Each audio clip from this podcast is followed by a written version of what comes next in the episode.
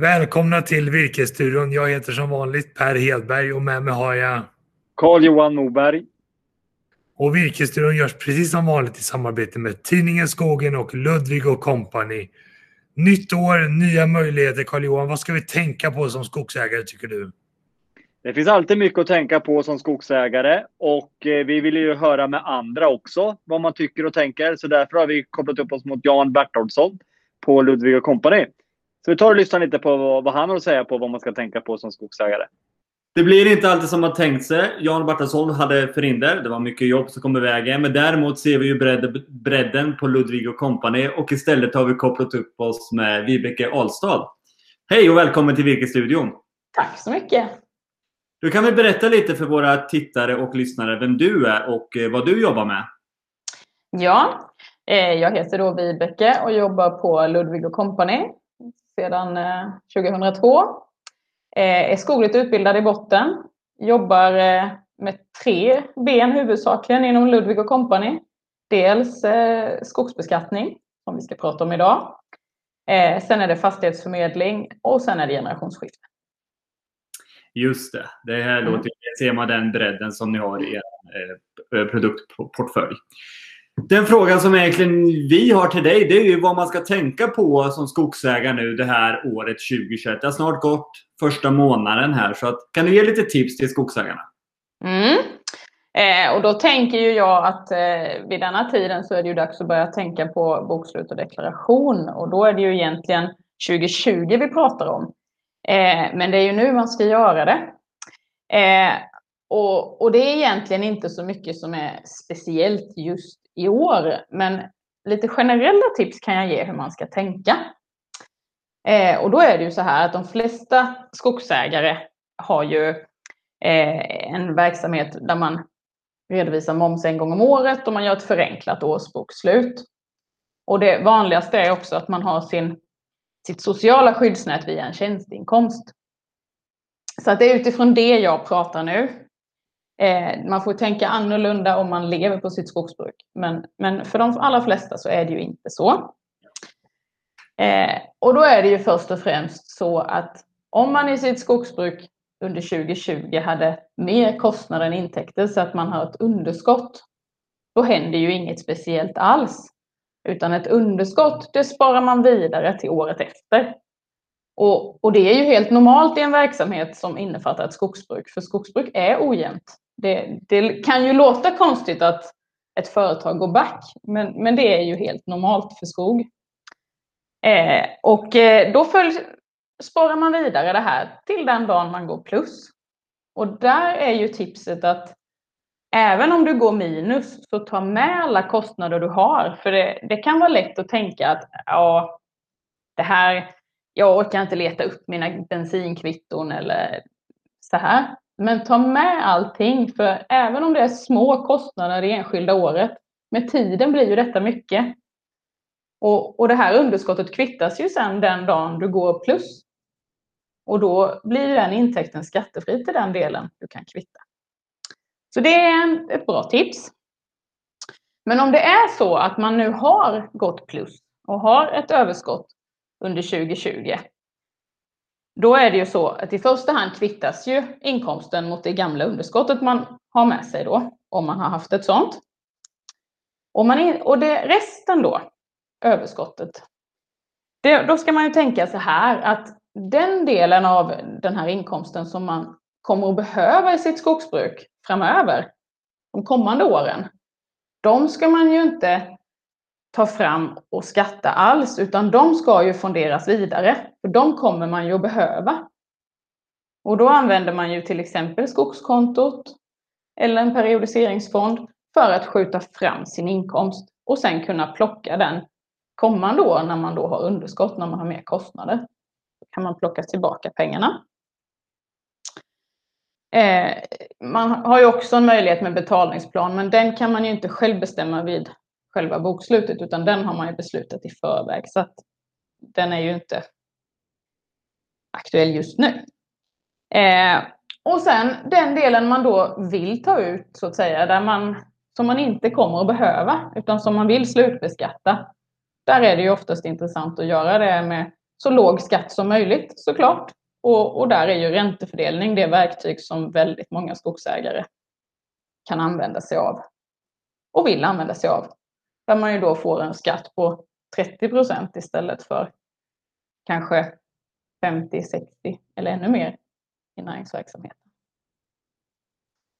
Mm, men det är ju bara, det ska man ju inte använda som sagt om man inte över tid har ett överskott.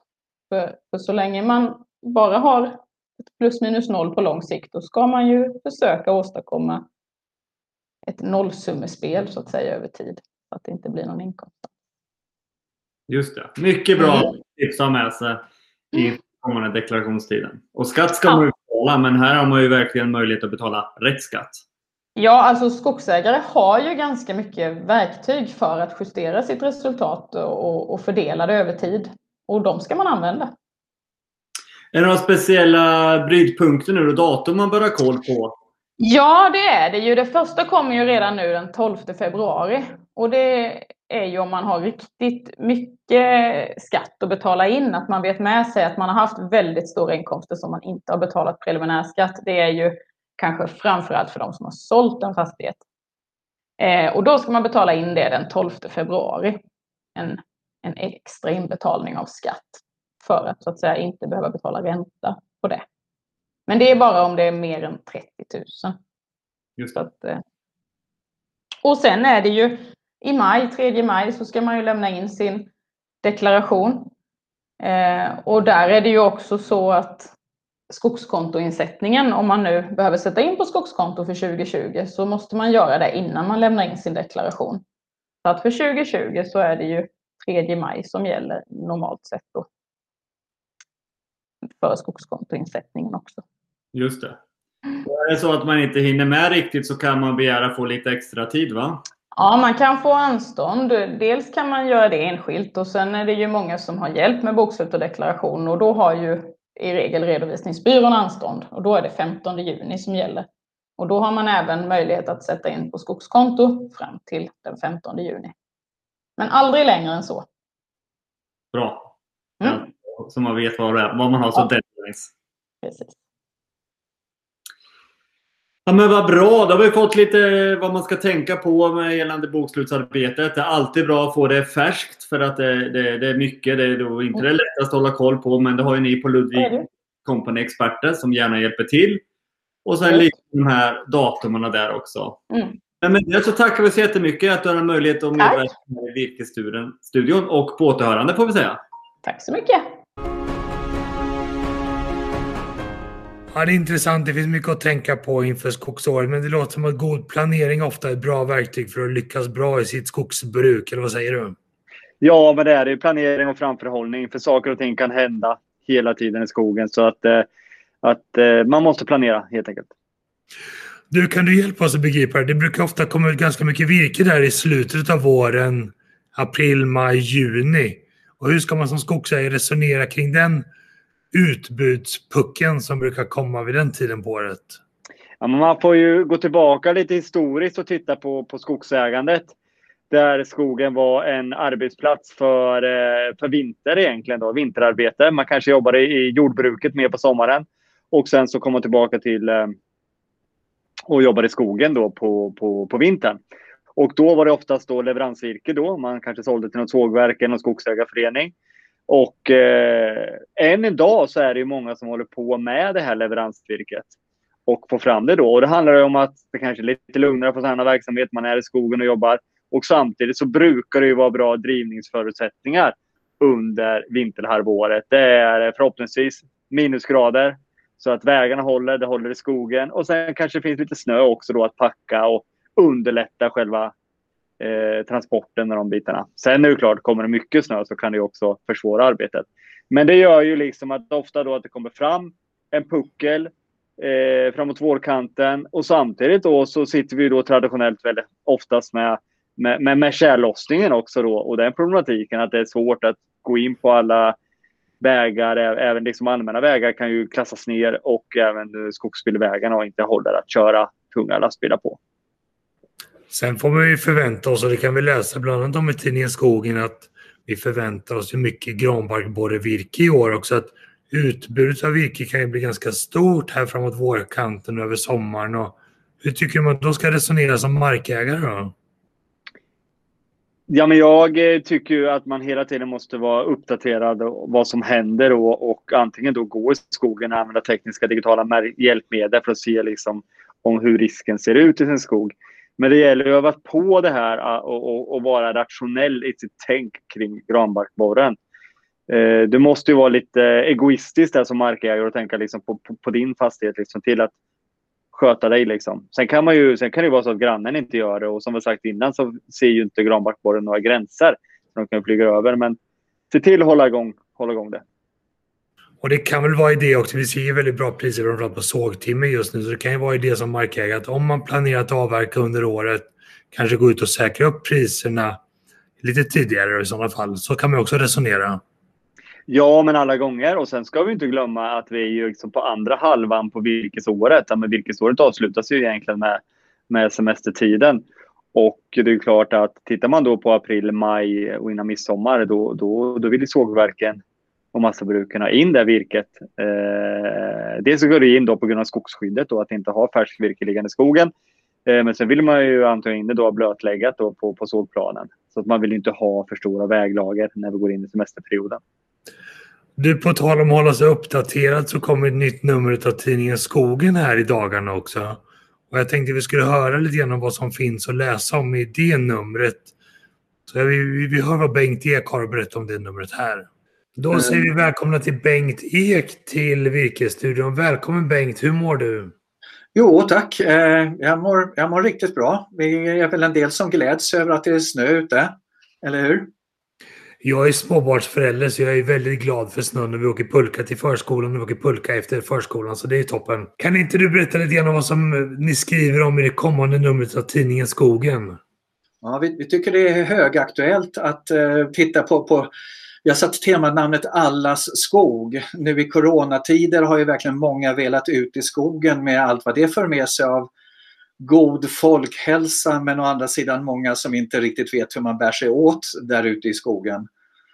Ehm, så det finns många intressanta aspekter på det. Är skogen skogsägarens eller är den allas? Det är kopplat till, eh, till äganderättsfrågorna förstås också. Skolorna vill ut eh, i dessa coronatider. Eh, skogen i skolan tycker jag jobbar med jätteintressant projekt eh, med att bygga klassrum utomhus, uteklassrum och sånt där. Eh, så att eh, ja, det, det, finns många, det finns många aspekter på det där med när alla ska ut i skogen. Det är jätteintressant och jag hoppas ju verkligen att intresset för skog i generell mening att den ökar. Om vi håller oss fast lite grann i det här med äganderätten. Hur ser man på äganderätten utanför Sverige och i Europa tror du? Ja, det, det, är nästan konstigt att man inom EU kan få till överhuvudtaget några skogspolitiska eh, beslut även om det inte finns någon, någon, gemensam skogspolitik. För man ser ju så himla olika på, på äganderätten. Från eh, stater i, i Östeuropa där man inte får, man får inte avverka själv i sin skog. Eh, man får knappt bestämma över, över skogen. Man får inte jaga i sin skog. Eh, till länder som är eh, mycket liberala. Och, och, jag tyckte det var intressant, det finns en studie som, där man la, placerade Sverige någonstans i mitten på liksom, hur stor rättighet har markägaren till, till, till sin fastighet. Och, och en särskild poäng tycker jag är att de som toppade på stark äganderätt det var tätbefolkade länder som Nederländerna och Danmark. Men där har man till och med sån äganderätt att man får stänga ute folk från sin skog. Ja. Så att det är väldigt olika hur man ser på det och den här undersökningen placerade oss i mitten. Vi har ju en stark allemansrätt men ganska bra dispositionsrätt till vår, till vår skog. Är det ett tecken på det här mellanmjölks-Sverige att vi är någonstans i mitten? Vi, är, vi tar inte riktigt tydlig ställning åt något håll. Är det som en konfliktyta tror du också? Ja, li, lite så att vi, att vi kanske är landet brunsås även i, i den här bemärkelsen. Men, men sen är det ju också som sagt, vi har ju en lite annan syn på hur tillgänglig marken är. Det är inte alls så att det bara är i Norden som man får gå ut i skogen. Men, men vi har, man får ju plocka svamp och sånt där och det kanske inte är lika vanligt i andra länder. Så att våran äganderätt är väl lite polariserad på det sättet. Och det är klart att äganderätten präglas kanske också hur mycket skog som finns att tillgå i ett land. I, I Sverige har vi väldigt mycket skog per person och det finns mycket skog att röra sig i. Och det färgar kanske också synen på skogsbruk och äganderätt och så vidare. Ja, man, allmänheten får plats där med, med sina besök.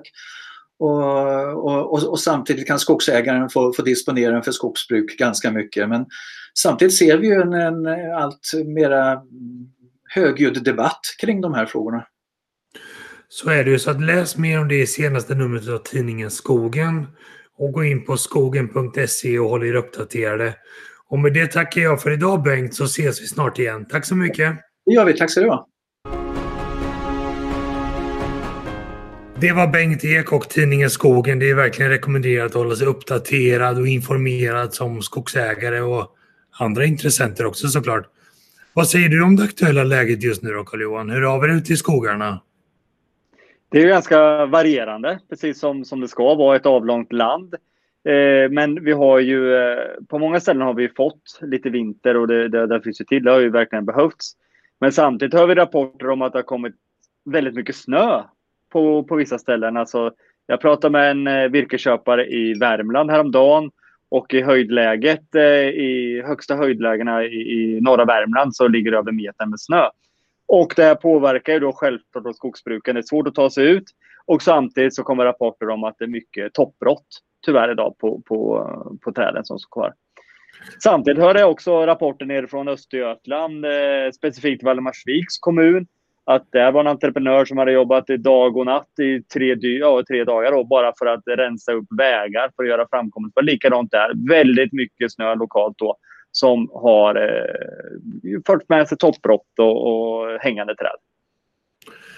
Det känns som att virkesåret är under förändring på grund av klimatförändringar med senare kyla, blötare vintrar initialt. Vi, vi ser liksom en liten förskjutning kan man nästan säga över kalenderåret. Och det kanske påverkar lite grann virkesmarknaden också såklart. Ja, men det tror jag och vi ser ju också det här att, att eh, med, med kontraktstider, ledtider, liksom att man vill ju ha eh, snabbare affärer. Eh, det som markägare då verkligen, nu har jag tagit beslut att avverka det här och då vill jag ha det har avverkat så fort som möjligt. Och sen så ser vi också bland köparna att de, de binder inte upp sig på några längre kontrakts kontraktsperioder bitvis nu för att de vill ju inte riskera att köpa på sig skog som, som då kanske står och, och dör framöver. Du, Södra gick ut och höjde priserna sen vi spelade in senaste virkesstudion. Då höjer man ju på sågtimmer men inte på massaveden. Tycker du att det rimmar med det vi hör på virkesmarknaden också? Ja, men det tycker jag verkligen och det var väl ganska väntat att det skulle ske någonting på sågtimret. För det är ju en fortsatt bra efterfrågan eh, och exporten pågår ju på det. Eh, vad gäller massaveden så eh, tror ju inte jag på någon större förändring här under det här året. Utan det är ju eh, det är så det kommer att ligga och det är ju så att många av de här massabruken, eller en del av dem i alla fall, har ju kanske skjutit på underhållsstopp som kanske skulle ha genomförts. Eh, och det pratas ju en del om att det kommer att genomföras nu kanske under Q1 istället. Då. Ja, men dels att marknaden tillåter att stå stilla lite, att det inte är sånt jättetryck på det. Och sen samtidigt så måste de göra underhållsstoppen för, så att det håller i längden. Och massavedsmarknaden är ju, det sker ju dramatiska förändringar där. Jag såg statistik från november att efterfrågan på skriv och tryckpapper i Europa den är ner med ja, ungefär 15-16 procent jämfört med november året innan. Så att det går fort ut för, för skriv och tryckpapper just nu och det påverkar också efterfrågan av massaved. Samtidigt så kanske kylan kan hjälpa oss att äta lite grann av alla de här lagren som finns då på bränsleved och massaved.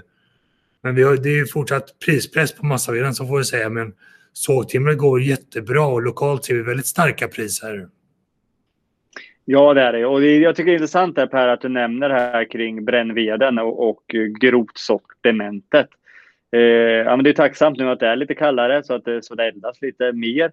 Eh, men vi hade ju alltså stora lager och, och, från förra säsongen då och gick in med. Så det är klart att och sen samtidigt granbarkborreproblematiken. Och vi har ju priser på brännved som absolut inte är roliga som markägare att få.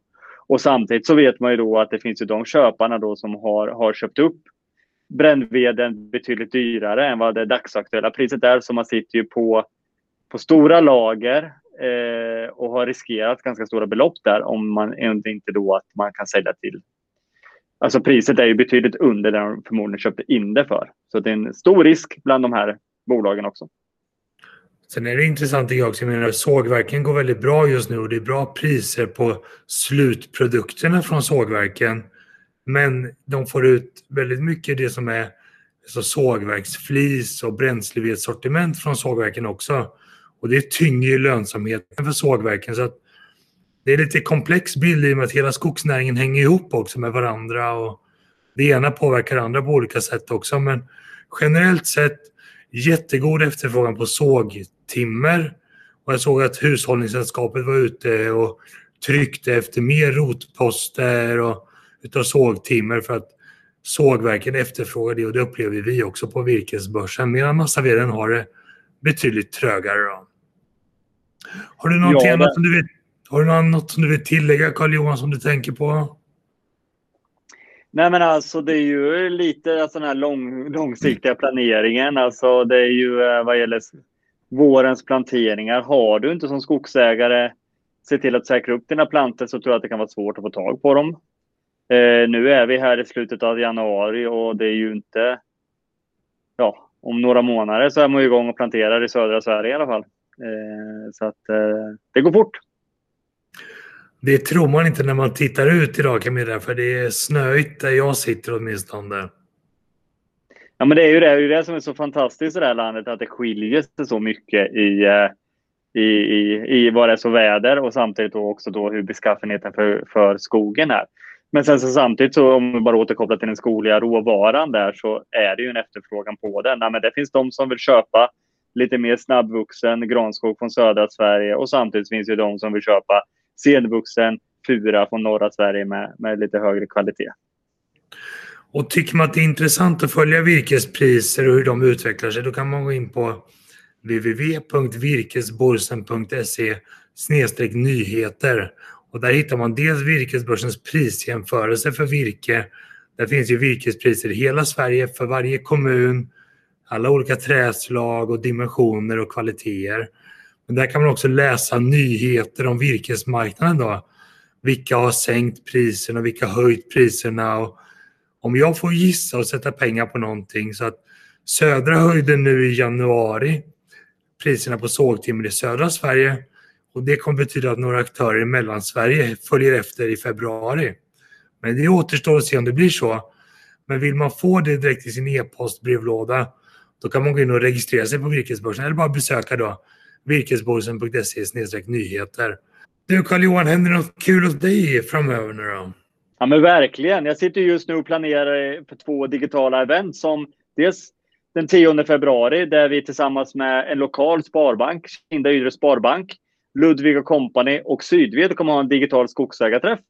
Och eh, inbjudan till det kommer att ligga, eller användningslänk ligger på vår hemsida. Och håll även utkik i, i våra sociala medier där så kommer det komma länkar om det. Det kommer att bli jätteintressant att göra ett nedslag i den lokala marknaden. Sen kvällen innan, den 9 februari, så är jag inbjuden av Ludvig Company och föreläsa om virkesmarknaden, virkesaffären, på en skogsägarskola som de genomför. Och där hittar du information på deras, på Ludvig Companys hemsida då, på deras utbildningar som de genomför. Bra, det är full fart och den här digitala skogsägarkvällen i Kinda Ydre, den kan nog vara intressant även om man inte har skog i just de kommunerna. Utan bor man i närheten av skog i närheten så finns det en hel del att lära sig om fastighetsmarknaden och hur man sköter skog i norra Småland och södra Östergötland genom att vara med på den kvällen. Ja, men det tror jag alla gånger, för det här är ju ganska intressant geografiskt område det, liksom, det ligger mellan eh, lite större massavedsförbrukare som har sina bruk uppe i norra Östergötland och sen samtidigt har vi då de sågverk, sågverken i Småland där. Så de ligger lite mitt emellan där och det gynnas ju de av eh, som skogsägare. Och där får vi höra vad Roland Hultman har att säga om eh, fastighetsmarknaden där då, hur det kanske påverkar prisbilden. Och vill man vara med på den digitala skogsägaren då kan man gå in på virkesborsen.se kinda ydre så kommer man direkt till programmet och anmälningen för hur man är med på kvällen. Och det kostar självklart ingenting att vara med på den här kvällen heller. Med det tycker jag vi tackar för idag Carl-Johan. Var rädd om dig. Detsamma Per, vi hörs!